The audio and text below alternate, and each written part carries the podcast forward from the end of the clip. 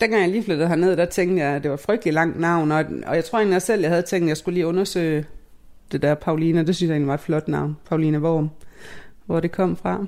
Jeg har tænkt meget over, hvem Pauline Worm er, fordi jeg har jo øh, været i Hyllested Kirke, og inde i den kirke, den er egentlig kendt, fordi der er en masse kalkmalerier, men der er også en mindekrans om Pauline Worm. Jeg fandt ud af, at de havde sådan en lille bog derude, hvor der stod lidt om Pauline Worm. Og, øh, og hun var jo sådan en kvindesagsforkæmper i 1800-tallet. Og det øh, synes jeg også selv, jeg er. Fordi jeg synes ikke, at manden skal bestemme det hele. Øh, færdig.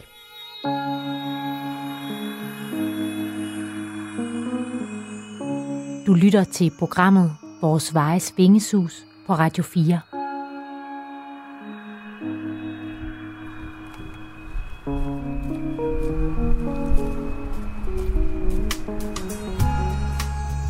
Jeg går rundt i det nordøstlige Randers, en by, som ligger i Østjylland.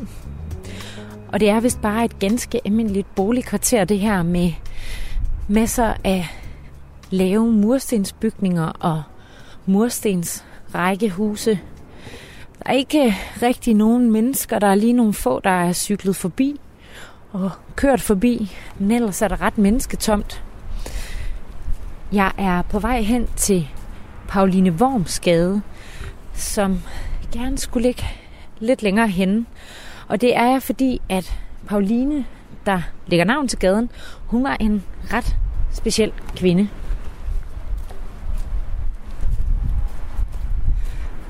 Så der er Pauline Worms gade. Det er ikke en stor gade, kan man roligt sige.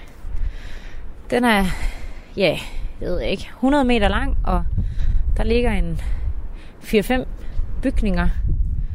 Det ligner private boliger, og der holder nogle få biler parkeret, og så er der en lidt større vej for inden, hvor der er sådan okay gang i trafikken. Ja, hvad kan man mere sige? Der er måske i virkeligheden ikke så meget at sige om den her vej.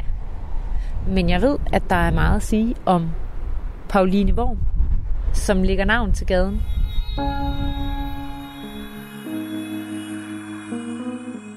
Vi går på dem, leger på dem, løber, bor og lever på dem. De danske gader og veje har i århundreder dannet ramme om vores liv. Men hvad ved vi egentlig om dem, og hvilke historier gemmer der sig bag deres navne? Mange gader er opkaldt efter mennesker, de færreste af os har hørt om, eller som er gået over i glemslen. Lokale helte, rige købmænd eller forelskede poeter, som har gjort indtryk og sat aftryk på historien. I det her program tager Radio 4 rundt i Danmark for at undersøge, hvem disse personer var, og hvorfor de har fået en fast plads på det danske landkort. Det er historier om storhed, krig, kærlighed og fald, og hverdagen i Danmark gennem tiden. Det er vores vejes vingesus.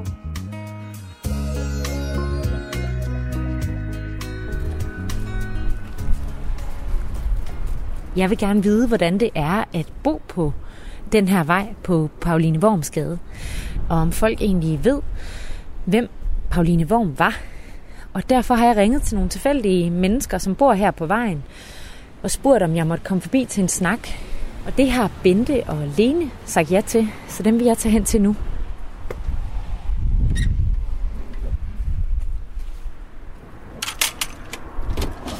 Bente?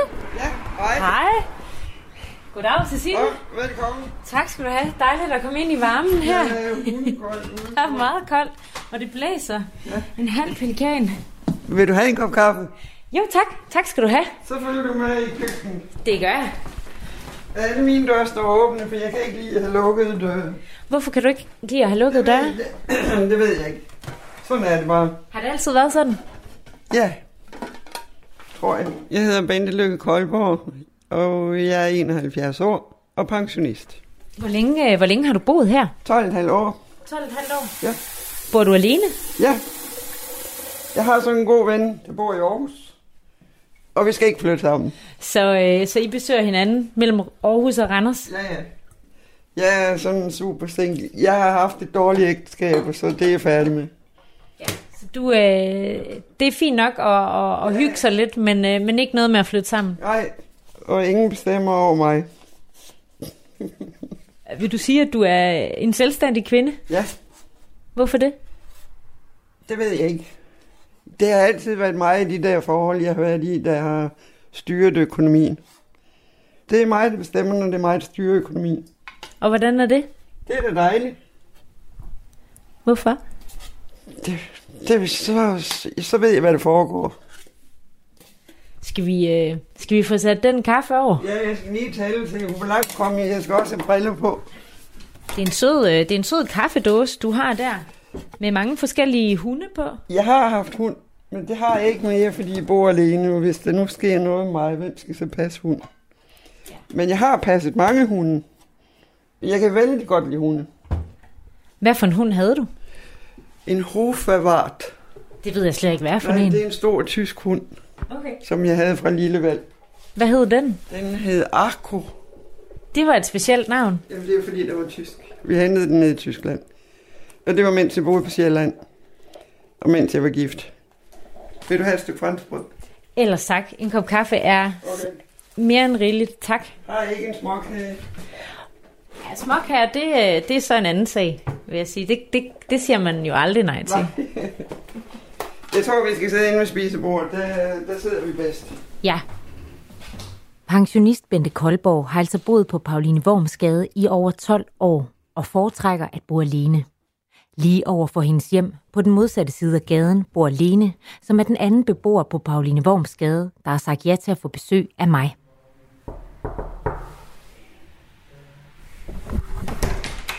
Hej, goddag. Goddag. Godt at møde dig, Lene. Måde. Det er her, du bor. Her bor jeg. Ja. Der er der højt til loftet. Ja, det er dejligt. Det er Ja, dejligt. det kan jeg godt forstå. Ja. Og hvem bor du her med? Jeg er med min datter. Ja, på to år. På to år. Ja. Hvad hedder hun? Merle Maria. Ja. Jamen, øh, skal vi sætte os ned? Ja, lad os gøre det. Vi sætter os herhen. Jeg hedder Lene Hellig, og jeg er 42 år, og til sommer har jeg boet på Pauline Wormsgade i tre år. Gaden her hedder jo Pauline Wormsgade. Har du, øh, har du tænkt over, hvem det var? Nej, det har jeg faktisk ikke. Øh, dengang jeg flyttede herop, så min øh, morfar gik meget op i det, så jeg tror, han ved noget, men jeg har ikke rigtig sådan fået spurgt ham. Jeg synes, det var spændende navn. Ja. Jeg har tænkt meget over, hvem Pauline Worm er. Fordi jeg har jo øh, været i Hyllested Kirke. Det ligger ude på Djursland, sådan imellem øh, Grenå og Æbeltoft.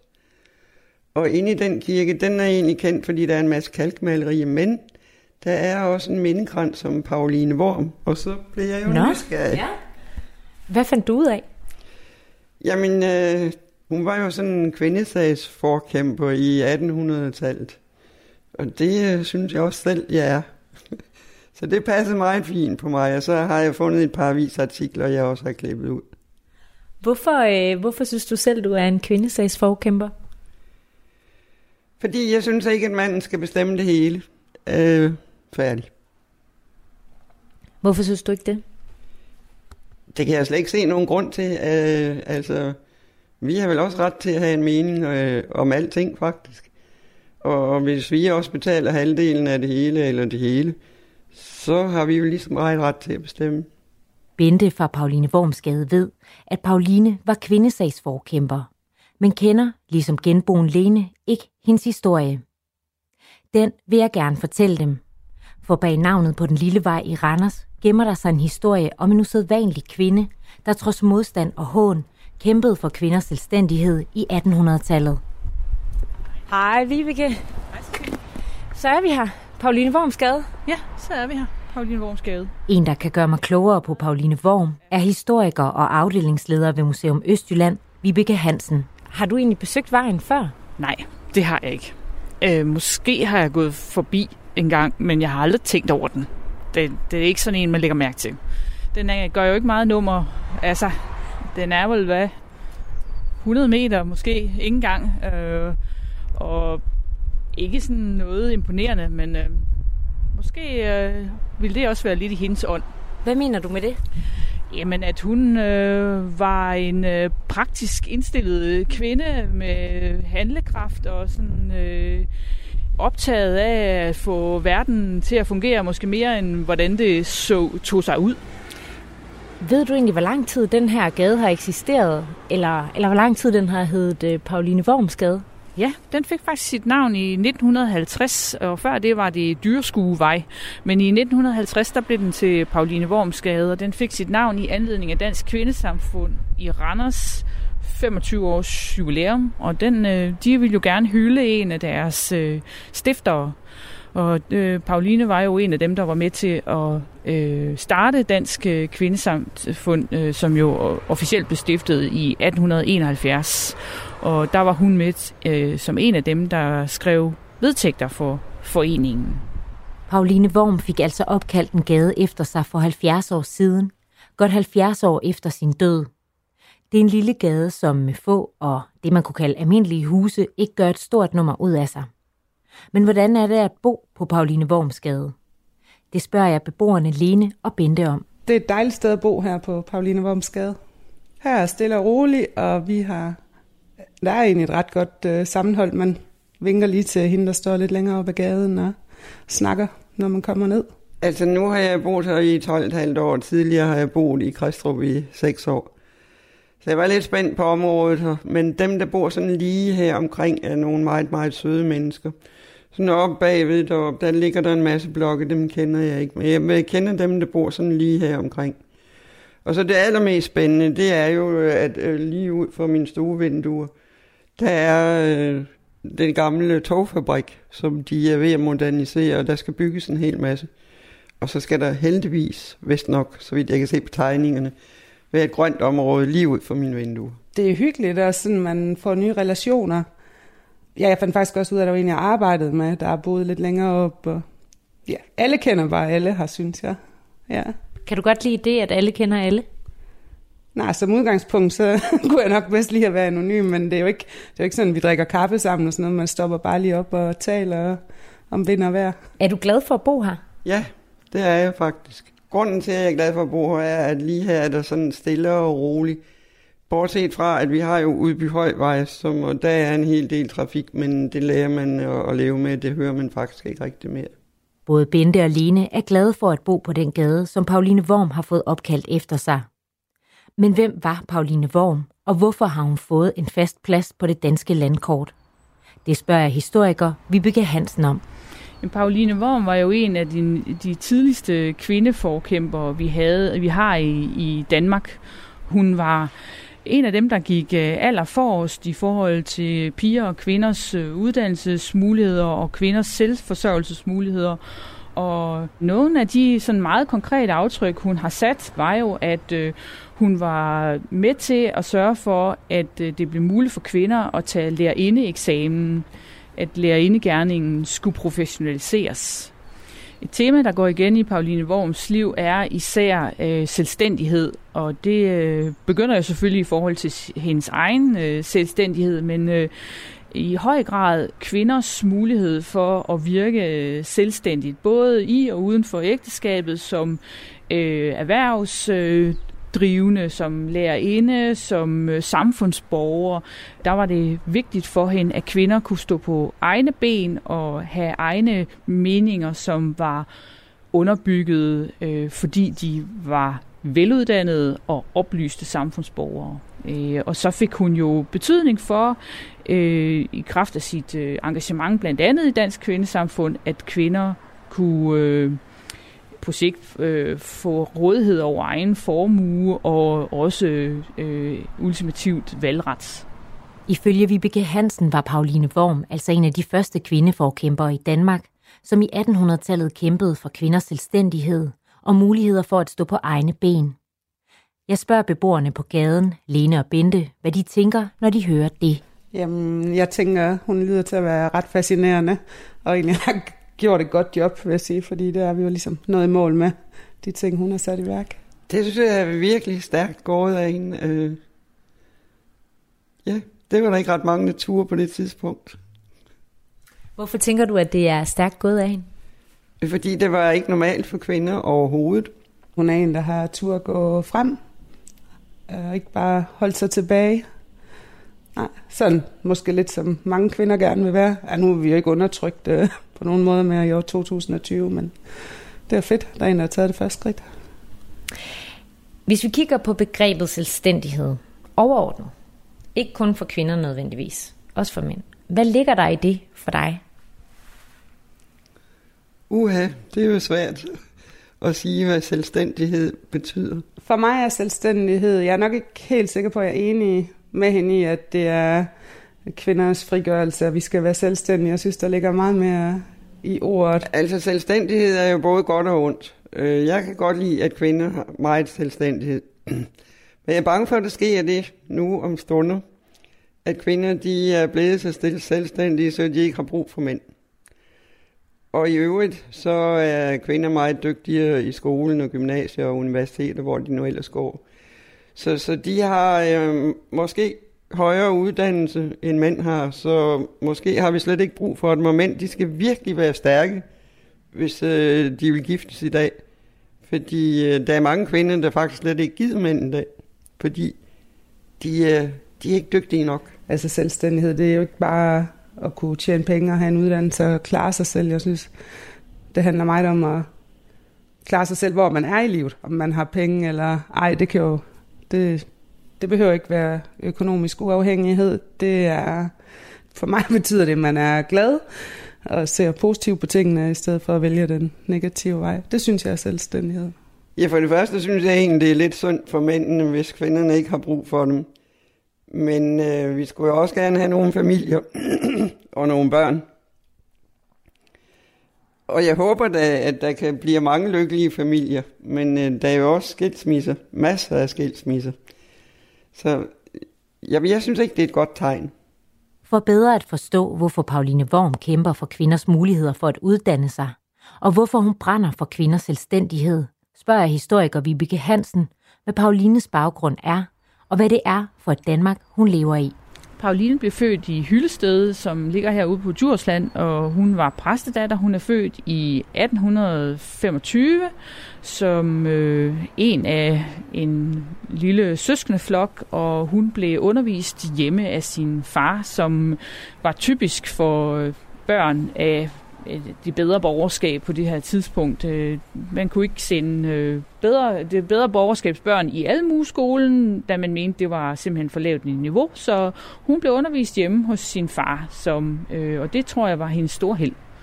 For han var en øh, vidne og interesseret mand, som var optændt af tidens idéer, og det øh, involverede han meget gerne sine børn i.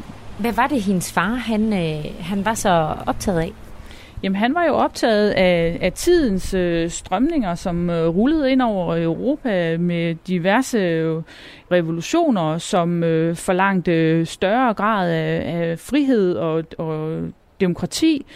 Øh, og det oplevede Pauline jo umiddelbart, at det galt jo så ikke for kvinderne.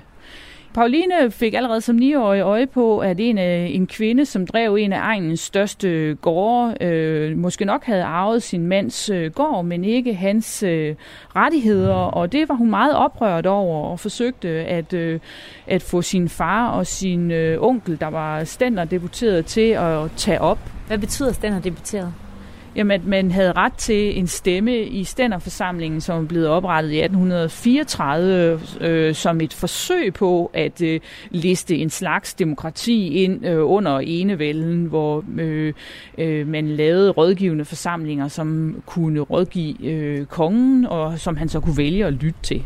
Og det, som Pauline oplevede, var jo, at enken nok havde arvet sin mands skår, men ikke hans øh, rettigheder, og ikke havde nogen stemme ind blandt de øh, stænder deputerede, eller i øvrigt øh, øh, rettigheder til at øh, bestemme over eget øh, gods og liv og skæbne. Så det var hun jo interesseret i, at øh, øh synes, at hendes far i, i øh, demokratisk ånd burde tage op og skrev til sine slægtning og bad ham om at, at tage det op øh, blandt de stænder deputerede, og det øh, grinede de jo bare af den her 9-årige tøs, som synes, hun skulle øh, lave om på alting. Og måske var det der, at, øh, at øh, Pauline forstod, at øh, nok var der gang i en masse øh, snak omkring øh, demokrati og rettigheder, men det var altså en stor del af samfundet, som ikke var omfattet af de revolutionære tanker. Hvad er det for et Danmark, vi ser på det her tidspunkt omkring 1830-40 stykker? Jamen, det er jo et øh, Danmark, som øh, er, er begået bankerot i 1814, og som øh, efter Englandskrigene og tabet af Norge er et, øh, et fattigt land, som er, har været hervet af en langvarig landbrugskrise. Øh, så det er et, øh, et land, som er øh, noget forslået, men i gang med at, at finde sine øh, ben. Og det nærmer sig jo, øh, at øh, enevælden øh, finder sin afslutning, simpelthen fordi, at man... Øh, tiden løber fra den, og, og, og kongen vælger at gøre det eneste, han kan. Så øh, enevælden bliver afskaffet, og, og man øh, ja, begynder at indføre øh, de første spæde demokratiske tiltag. Og så var det jo et, øh, et øh, Danmark, som var præget af, øh, af stærke nationalistiske strømninger. Øh, hele det sønderjyske spørgsmål, hvor, hvor øh, Danmark bestod jo på det her tidspunkt, ud over moderlandet af de øh, øh slesvigske hertugdømmer, hvor øh, der var store øh, spændinger, og det, de blev forstærket op gennem 1830'erne, øh, og øh, hertugdømmerne, de rejste jo så et, øh, et krav om, at en fælles slesvig-holstensk forfatning og om Slesvigs optagelse i det tyske forbund. Og det endte jo med, at øh, Danmark overtog kontrollen over Slesvig til Ejderen, mens øh, de tyske stormagter Preussen og Østrig overtog styrelsen i Holsten. Og det, øh, altså der er jo ingen tvivl om, at det her det var noget, som øh, øh, fyldte meget for datidens øh, danskere, at øh, man følte sig øh, presset i det tyske spørgsmål, og at øh, for Pauline og hendes øh, samtid, der kom det jo til at, at betyde, at man snakkede meget om, hvad det ville sige at være dansk, og, og, og at øh, national stolthed var vigtig. Og det, øh, det, det var øh, noget, som den øh, lille Pauline oplevede som øh, øh, meget stærkt, og hun var øh, dybt nationalistisk, og, og det fortælles, at hun under den første slesvigske krig øh, gik med rød-hvid kåbe og øh, rød-hvid hat for at vise sine sympatier, og det har fyldt rigtig meget. Pauline Worm vokser altså op i et Danmark, som er ved at komme sig over flere kriser og nederlag, og hvor de stærke nationale spændinger omkring det sønderjyske spørgsmål fylder meget i danskernes bevidsthed. Men det er også en tid, hvor tanker om demokrati og borgerrettigheder vinder frem i Danmark. Bare ikke, når det gælder kvinder. En af dem er Pauline. Hun tilhørte bedre borgerskabs døtre, ikke fordi hendes familie er velhavende, men fordi hun er datter af en præst. Jeg spørger Vibeke Hansen, hvilke forventninger der var til borgerskabets kvinder i midten af 1800-tallet. Jamen, det var jo først og fremmest en, øh, en kvindes øh, opgave eller mål at øh, blive gift, og øh, ægteskabet var en af samfundets absolut øh, vigtigste institutioner, og, og rollen som hustru og mor var absolut øh, det vigtigste, en, en kvinde kunne indgå i, og det mente Pauline også selvom hun aldrig blev gift, så øh, satte hun aldrig spørgsmålstegn ved ægteskabet som øh, samf- et af samfundets vigtigste institutioner og en kvindes øh, primære kald. Pauline er jo en del af borgerskabet. Hvad er det for et liv, borgerskabets kvinder øh, lever på det tidspunkt? Det, det er vigtigt at forstå, at øh, på det her tidspunkt, der er ugifte kvinder jo ikke myndige og og gifte kvinder er underlagt manden. Og det vil sige, at der er forholdsvis få udfoldelsesmuligheder for borgerskabets kvinder. Øh, det vigtigste er selvfølgelig, at øh, kan man blive øh, gift og indtage rollen som hustru og mor, så er det jo selvfølgelig det allerbedste kan man ikke det, jamen så øh, er mulighederne for at stå på egne ben forholdsvis øh, begrænsede. Altså mens at øh, kvinder fra de lidt øh, faktisk fra de lavere klasser har bedre muligheder for at øh, gøre den som erhvervsdrivende eller øh, for at være selverhvervende, så har borgerskabets døtre meget få muligheder, hvis ikke de er gift. Og øh, en af de ting, som de kan øh, gøre, det er jo, at de kan give den som lærerinder eller guvernanter, som Pauline jo så også selv gjorde. Ja, hvad er det, hun gør? Jamen, Pauline, hun efter endt øh, skolegang, altså nu gik hun jo, så blev hun jo skolet hjemme hos faren, og øh, senere, da familien så flytter til Randers, der kom hun så på pigeskole, og det har hun jo så åbenbart været så god og flittig en elev, at øh, da hun så var færdig efter konfirmationen, jamen så fik hun arbejde på stedet på, på, som lærerinde på pigeskolen, og der var hun jo så øh, nogle år. Og, og det man skal tænke på, det er jo, at på det her tidspunkt, der er hun jo så en ganske ung pige, som så skal være øh, lærerinde og give den som autoritet for andre piger. Og det øh, tænkte hun faktisk en del over, at det var en øh, lille smule paradoxalt, fordi nok øh, mente hun jo selv, at hun var øh, vidende og veluddannet i forhold til mange andre, men øh, hun havde jo ingen uddannelse, og der var rigtig, rigtig mange kvinder i hendes situation, der på samme vis blev smidt ud i, at de skulle øh, forsørge sig selv som lærerinder, uden ret meget baggrund og helt uden uddannelse. Efter at have undervist i Randers, så øh, endte hun så som privatlærer eller guvernanter i Præstø, hvor hun havde øh, øh, familie, og hvor hun underviste op til otte små piger. Altså hun underviste en familie? Hun underviste en familie og, og nogle af, af deres øh, ja, bekendte støtre, og efterfølgende, øh, det førte jo så til, at hun tog til København for at begynde at uddanne sig, fordi hun ja, lige fra starten havde en fornemmelse af, at øh, uddannelse, det måtte kunne give bedre vilkår hele vejen rundt. Noget, der også optog hende, var jo øh, kvinders ret til at øh, ytre sig. Altså som kvinde kunne man jo godt blive udgivet, og øh, man kunne også øh, godt øh, få lov til at skrive i avisen og udtale sig om øh, det og hint. Men Pauline følte jo selv, at hun som kvinde havde svært ved at øh, slå igennem, og at... Øh, Øh, når det kom til både øh, at få lov til at udtale sig i aviser, holde foredrag, udgive bøger, jamen så var, der bare, så var det bare sværere at få komme til ord som kvinde. Hvilket indtryk gør de her forhold på Pauline Worm? Jamen, hun er jo optændt af, af, af, af uretfærdigt, en fornemmelse af, at det er uretfærdigt, og at, øh, at det ikke kan passe, og det er noget, der bør ændres. Øh, og at øh, igen vender hun hele tiden tilbage til, at det er uddannelse, som er nøglen til, at kvinder kan opnå større selvstændighed. Hvad er det, Pauline tror, det vil betyde for kvinder, at de bliver mere selvstændige? Jamen, Pauline mente, at en kvinde, som øh, er uddannet, er i princippet også i, i stand til at forsørge sig selv. Og er man i stand til at forsørge sig selv, så behøver man ikke at gifte sig af nød. Og det vil sige, at hvis man har den mulighed, så vil man vælge en ægte fælde af de rigtige årsager.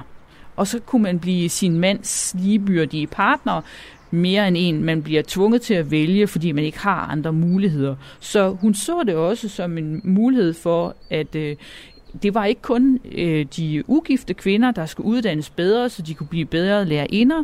Det var også de gifte kvinder, som skulle være mere ligebyrdige partnere for deres mænd, og i det hele taget, at det måtte også være i mandens interesse, at han fik en, en livspartner, der kunne være ham en god veninde og en, øh, en ligebyrdig støtte, snarere end en pyntedukke eller en slavinde. Altså, det var jo på ingen måde hendes øh, mening, at hun ville øh, udviske mandens rolle som forsørger eller konkurrere med manden øh, øh, med mændene om, om deres øh, rolle i samfundet, men, men, men selvstændigheden ville give øh, lykkeligere familier, sagde hun oven i købet, at øh, en, en oplyst kvinde, som øh, har valgt en ægtefælle på et oplyst grundlag mere end øh, ren økonomisk øh, årsager eller nød, øh, vil også give en lykkeligere familie.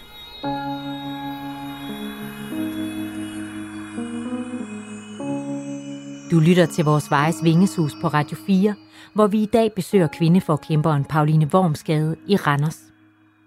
Historiker og afdelingsleder ved Museum Østjylland, Vibeke Hansen, fortæller, at Pauline vokser op og lever i et Danmark, hvor man som kvinde ikke har selvbestemmelse og kun begrænsede muligheder for at forsørge sig selv. Det vil Pauline gerne ændre, og hun mener, at især uddannelse er et vigtigt skridt mod kvinders selvstændighed. For hvis kvinder bliver uddannet, bliver de mere oplyste, og det vil ifølge hende give dem bedre muligheder for at arbejde og kunne forsørge sig selv. Og så mener hun i øvrigt, at det vil skabe lykkeligere ægteskaber, fordi det vil give mere ligeværdige forhold. Pauline mente altså, at uddannelse og oplysning var nøglen til selvstændighed i 1800-tallet. Men hvad forbinder vi med det at være selvstændig i dag? Det spørger jeg beboerne Bente og Line om. For mig vil det at være selvstændig sige, at man er uafhængig af indtægt fra mand. Man kan sådan set gøre, hvad, hvad man har lyst til, altså inden for rimelighedens grænser. Så for dig er selvstændighed forbundet med at være uafhængig? Ja, det er forbundet med at være uafhængig. Øh, for mig betyder det at være selvstændig. Det betyder ikke nødvendigvis øh, økonomisk øh, uafhængighed. Det betyder lige så vel, at man, man vågner op om dagen og vælger at være glad i stedet for, uanset hvor man er i livet, i stedet for at bare se negativt på tingene. Som udgangspunkt gør det bare tingene nemmere, i stedet for hvis du kunne vælge at bare se sort på alting, så er der ikke, der kan du også træffe nogle selvstændige valg, men jeg vil bare, i min verden, så giver det bare ikke uh, særlig meget glæde eller livsværdi. Det, nej, jeg synes bare, man skal gribe dagen. ja, positivt. Det, øh, det, det, det handler vel om at være stærk på forskellige områder. Fordi man kan jo ikke være stærk på alle områder, men bare man er det på nogen, så er det jo okay. Hvad kunne det for eksempel være? Ja, det kunne jo være, hvis man nu var alene kvinden, ligesom min genbo Lene derovre. Det er altså hende, der, der står for opdragelsen af barnet, og det, det synes jeg er flot. Opfatter du dig selv som selvstændig? Ja, jeg opfatter mig selv som selvstændig, og ikke kun fordi, at øh, jeg er kvinde og bor alene med min datter, men for, ud fra de valg, jeg tager, synes jeg er meget selvstændige valg. Jeg føler, at jeg er selvstændig, fordi jeg vågner op hver morgen og Øhm, ja, ja, jeg tror også, jeg er bare positiv indstillet til de fleste ting. Ja, jeg opfatter mig selv som selvstændig i høj grad. Hvorfor det? Fordi jeg ikke er økonomisk afhængig af nogen som helst. Jeg, jeg kan gøre, hvad jeg vil. Jeg, jeg, jamen, jeg kan spise morgenmad kl. 10, hvis det er det, der passer mig. Og jeg kan spise aftensmad, og jeg kan gå ud og sætte mig øh, ude, ude i, øh, i vores gårdhave hele eftermiddagen og hele aftenen, hvis det passer mig. Jeg kan gøre lige nok, hvis det passer mig. Hvordan føles det? Det er da dejligt. Det føles frit. Sådan i min, min forældres generation og sådan noget, så, så i hvert fald helt klart, at det her, at jeg bor alene med min datter, og det er ikke, det er jo sådan noget med at blive, i hvert fald lige have en kæreste først, og blive gift, og, og så få børn. Så der har du gjort det anderledes end, end din forældres generation? Ja, det har jeg i hvert fald. Også egentlig sådan, i familien er jeg også øh, den eneste, der, der er alene med et barn, ja. Det, jeg synes faktisk, det er en stor del i det at være selvstændig. Dermed ikke sagt, at øh, resten af min familie ikke er selvstændig, men det igen, det er ud fra de valg, man tager. Og hvordan man er som person, synes jeg også, det handler meget om. Hvordan er du som person? Ja, nu når vi snakker om alt det her selvstændighed, så tror jeg faktisk, at mine forældre, vi har sagt, nu har jeg kun min mor tilbage, men de sagde altid, at jeg var sådan Rasmus modsat. Hvis de sagde, så sagde jeg B. Og sådan er jeg egentlig også, og det er jeg også på arbejde, og mine venner siger også altid, at jeg skal hele tiden være modsat, men det er fordi, jeg kan godt lide at se tingene fra flere sider, og sådan lige provokere lidt til, at, at man også lige ser den anden vej, i stedet for kun den er ensrettet. Jeg tror, at det der med min selvstændighed, det kommer helt fra barns ben, hvor min mor ikke var på arbejdsmarkedet, og min far, han var det, man kaldte handelsmand. Det vil sige, at nogle gange tjente han penge, og nogle gange tjente han ikke penge. Så, så vi var faktisk ret fattige, men det var der jo så mange, der var dengang. Så det var ikke noget, jeg lagde så meget mærke i. Men da jeg så flyttede hjemmefra, det gjorde jeg allerede som 16-årig, og det var for tidligt, men jeg brød mig ikke om at være derhjemme. Så jeg flyttede hjemmefra, og så blev jeg egentlig stuepige på et selv, fordi der kunne jeg bo og, og fik også noget mad. Jeg ville tjene mine egne penge, fordi øh, det var, øh, altså jeg ville også have mulighed for at bruge nogle penge til det, der passede mig. Hvorfor var det vigtigt for dig at, at kunne gøre det? Det var vigtigt for mig, fordi min mor hver gang, at øh, vi skulle et eller andet, eller købe et eller andet ind, eller til Randers og, og købe tøj på udsalg altid, så skulle hun hen og tække min far om penge, og det synes jeg ikke var særlig rart. Det vil du gerne være fri for? Helt bestemt vil jeg være fri for det. Aldrig nogensinde. Har du så altid været fri for det? Ja, det har jeg altid været fri for. Fordi hvis det endelig på et eller andet tidspunkt skulle knibe lidt, så måtte jeg jo i banken spørge, om det kunne lade sig gøre, og det kunne det som regel. Synes du, man skal være selvstændig i alle livets aspekter? Ja, det synes jeg, man skal. Man skal selvstændigt træffe de valg, ens egne valg. Man kan ikke træffe øh, alle valg selv. Jeg ved, det kan være, at der er en bus, der kører mig ned om lidt. Det har jeg jo ikke selv valgt, men som udgangspunkt, ja, det skal man.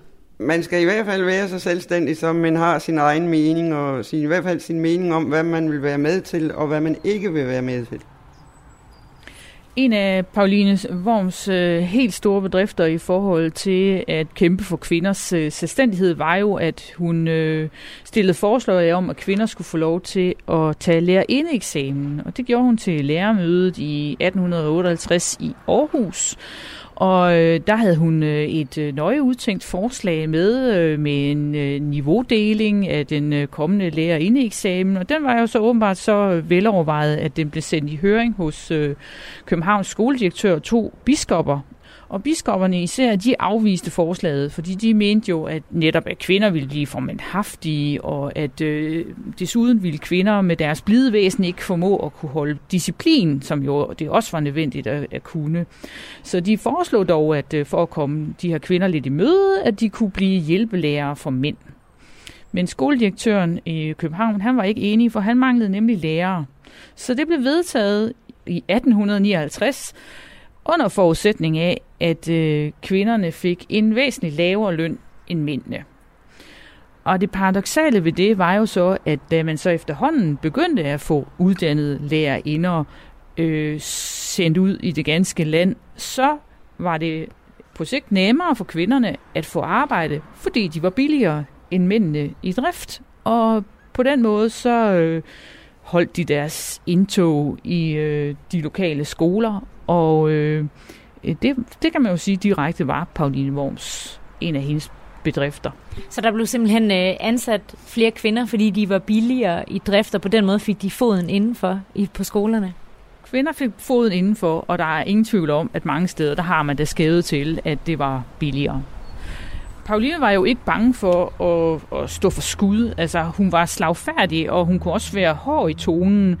Øhm, og det øh, har vi jo beretninger om, at, at hun var øh, ikke øh, overhovedet bange for at gå i bræschen for det, hun, øh, hun troede på. Og det betyder jo også, at hun indimellem blev sådan en skydeskive for øh, datidens øh, kritik, men også decideret for, for vidtighedsbladet, der gjorde hende, sig lystig øh, på øh, hendes vegne. Et af, af tidens øh, vidtigheds... Øh, tegner øh, berettede med en tegning om en ny slags orm, en paulinevorm, som øh, man havde opdaget, man kaldte det på latin, en Rabaldera grandvigiani, og det hentydede til hendes begejstring for Grundtvig og fæderlandskærlighed, men også at hun var en orm, der gnavede sig ind i øh, parnasset og blev ved og ved.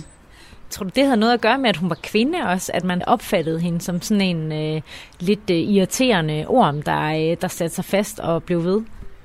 Altså, der er jo ingen tvivl om, at, at det var, at det var nem, nemt at beskylde hende for at være ukvindelig ved, at hun talte højt og insisterede på at blive hørt, og at det var en af de ting, som hun selv ofte, mod, især i sine senere år, øh, samtidig måske øh, kunne virkelig bitter over, at hun synes, det var svært at blive hørt, øh, og at hun selv havde oplevet, at hun måtte være meget insisterende for at komme igennem andre steder, hvor det var nemmere for mænd at, øh, at få taletid.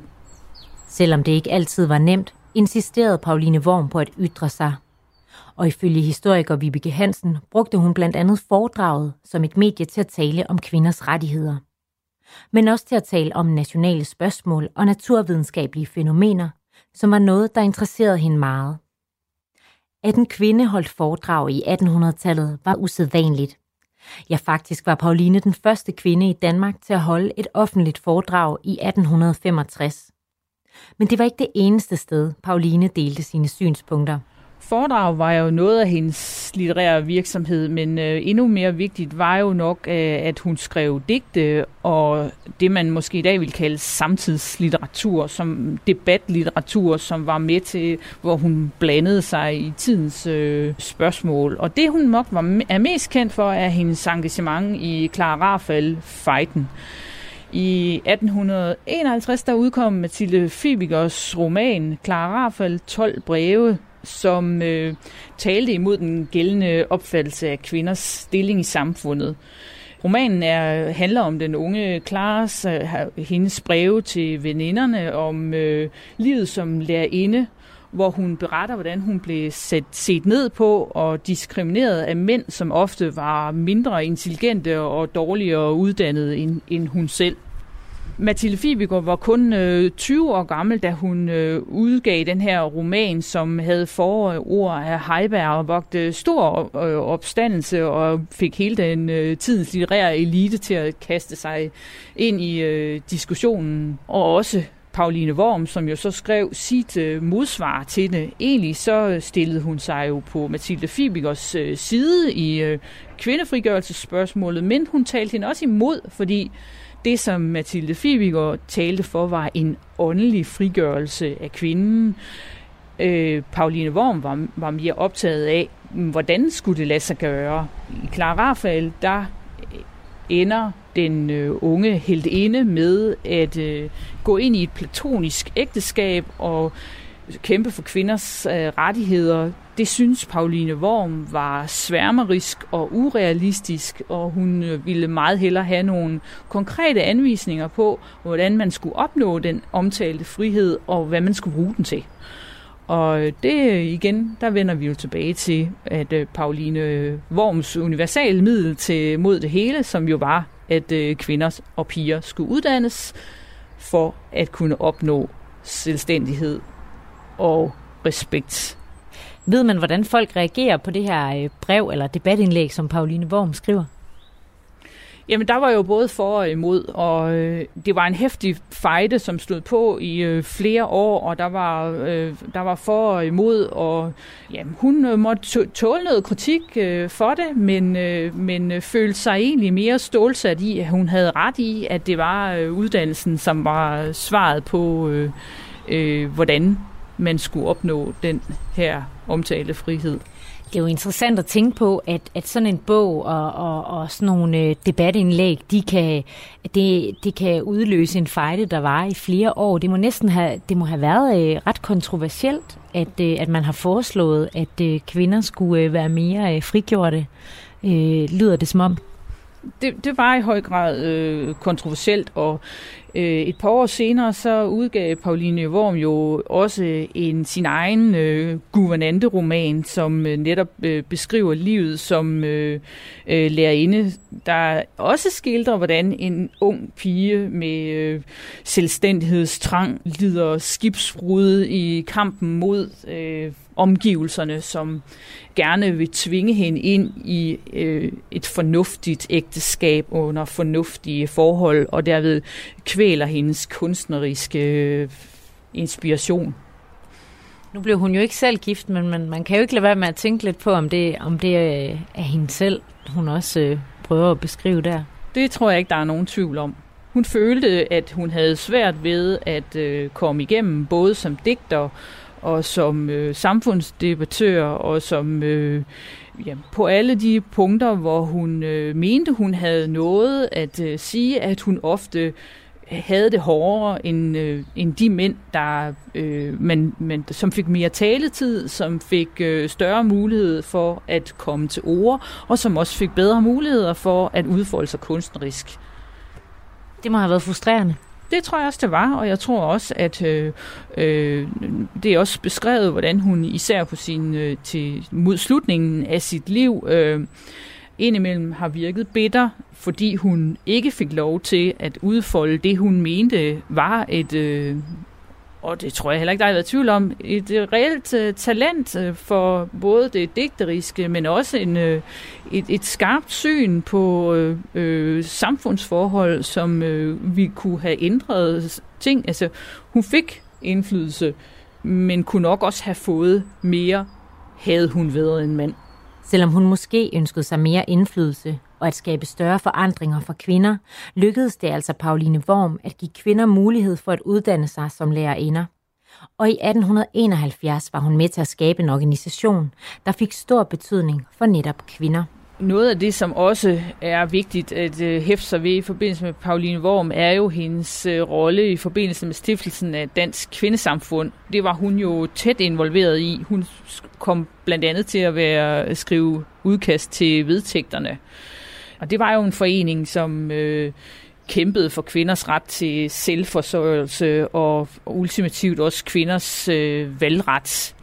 Og der har vi faktisk et citat fra øh, Pauline, som øh, i månederne, hvor Dansk Kvindesamfund blev stiftet, skrev til Mathilde Beyer, som jo er en af de andre stifter. Øh, der skrev hun simpelthen, at øh, hvad der forekommer at være det første skridt, som det danske kvindesamfund må gøre, når de har konstitueret sig, er, at de skal indgive en adresse til rigsdagen om forandringer i den kvinde, gifte kvindes formueretslige stilling, og dernæst må de lave et fond, der understøtter kvindelige talenter i forskellige retninger og lønner og opmuntrer et hvert foretagende, der går ud på at bryde nye baner for kvindelig virksomhed.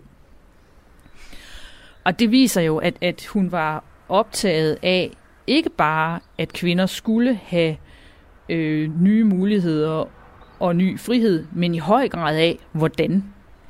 Øh, men, men hun mente jo selv, at hun kæmpede på den meget lange bane hun sagde i forbindelse med oprettelsen af, af Dansk Kvindesamfund, at hun jo mente, at kvinders øh, valgret og helt ligebyrdige muligheder med mændene nok var en 500-600 år væk.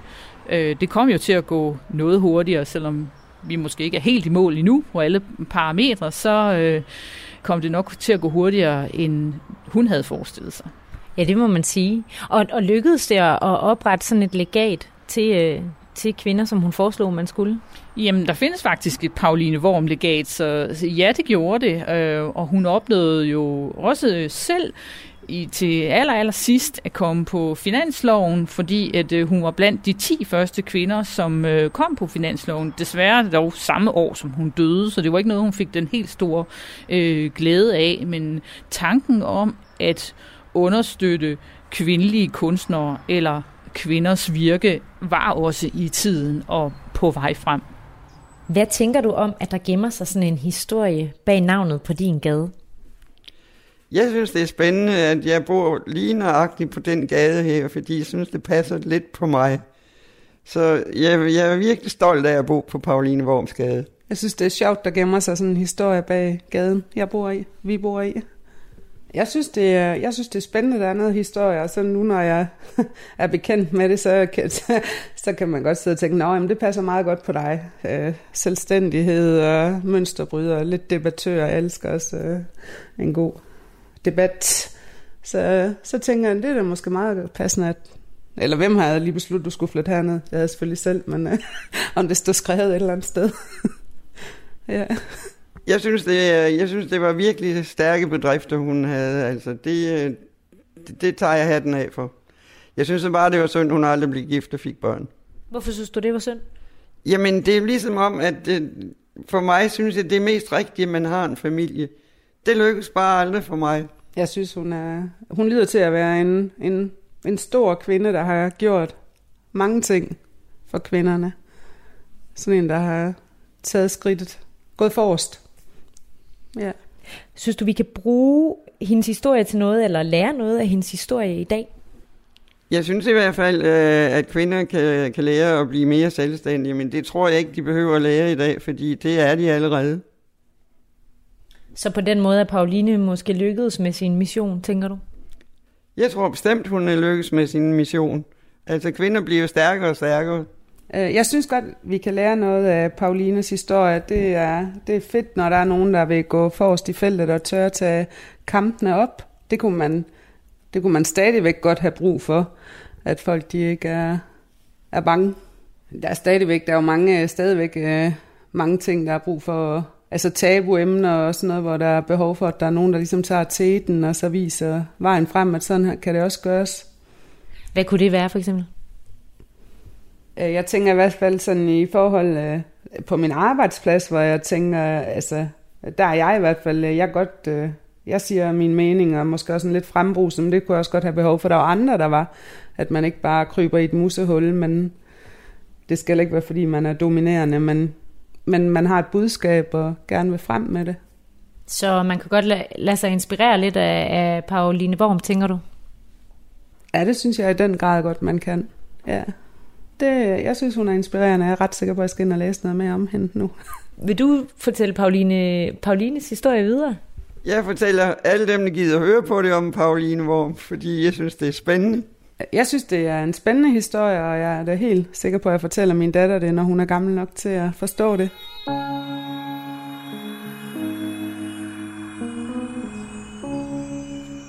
Vibeke, hvordan ender, øh, hvordan ender historien om Pauline Worm? Jamen, det ender med, at hun øh, dør øh, i sin brors øh, hjem øh, samme år, som hun er kommet på øh, finansloven. Så øh, anerkendelsen øh, for hendes øh, litterære bestræbelser kom til sidst, men øh, lidt sent, må man sige. Hvad kan vi lære af Pauline og hendes historie, synes du?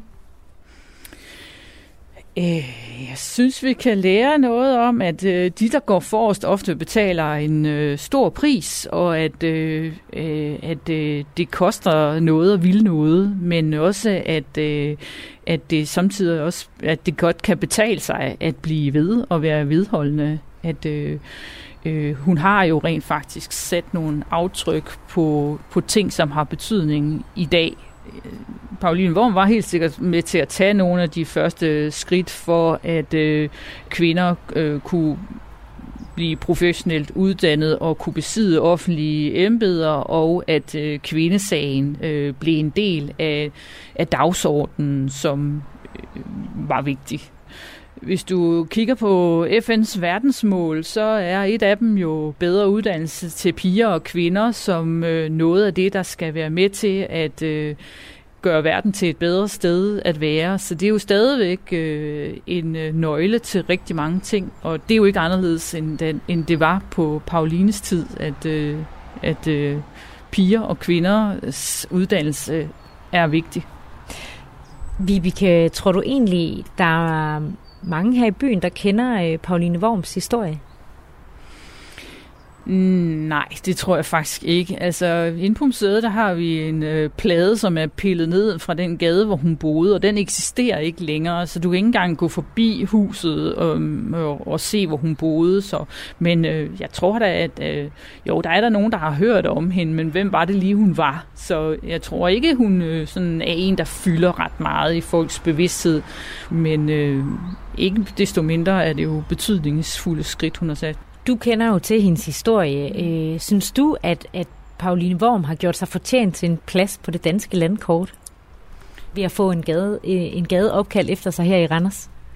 Det synes jeg i høj grad, hun har. Helt sikkert. Altså, hun er jo en af de der vigtige øh, mennesker, som gik forrest, og som tog nogle af tæskene, og som øh, vi andre, vi skal være glade for, øh, var der til at, at gøre det. Så jeg synes helt sikkert, hun har fortjent en vej øh, eller anden form for anerkendelse.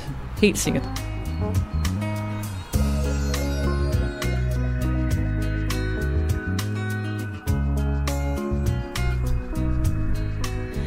Det var, øh, det var historien om Pauline Worm. Man kan sige, at hendes liv og bedrifter handler om at gå imod normerne i samfundet og kæmpe for det, man tror på. Og selvom forholdene ikke ændrede sig sådan lige over nat, så, øh, så har hun været en af de kvinder, der har været med til at bane vejen for, for mange andre kvinder. Blandt andet øh, vil bare tage debatten og insistere på, at, øh, at uddannelse for kvinder ikke bare øh, vil gavne kvinder, men også øh, skabe et mere lige samfund. Jeg forestiller mig, at det er de færreste, der kender Pauline Worms historie, eller tænker over, hvem hun var, når de kommer forbi det her gadenavneskilt. Men hendes historie er bare en ud af mange fascinerende historier, der gemmer sig bag de danske gadenavne. Og dem vil jeg fortsætte med at lede efter og dykke ned i her i vores vejes vingesus.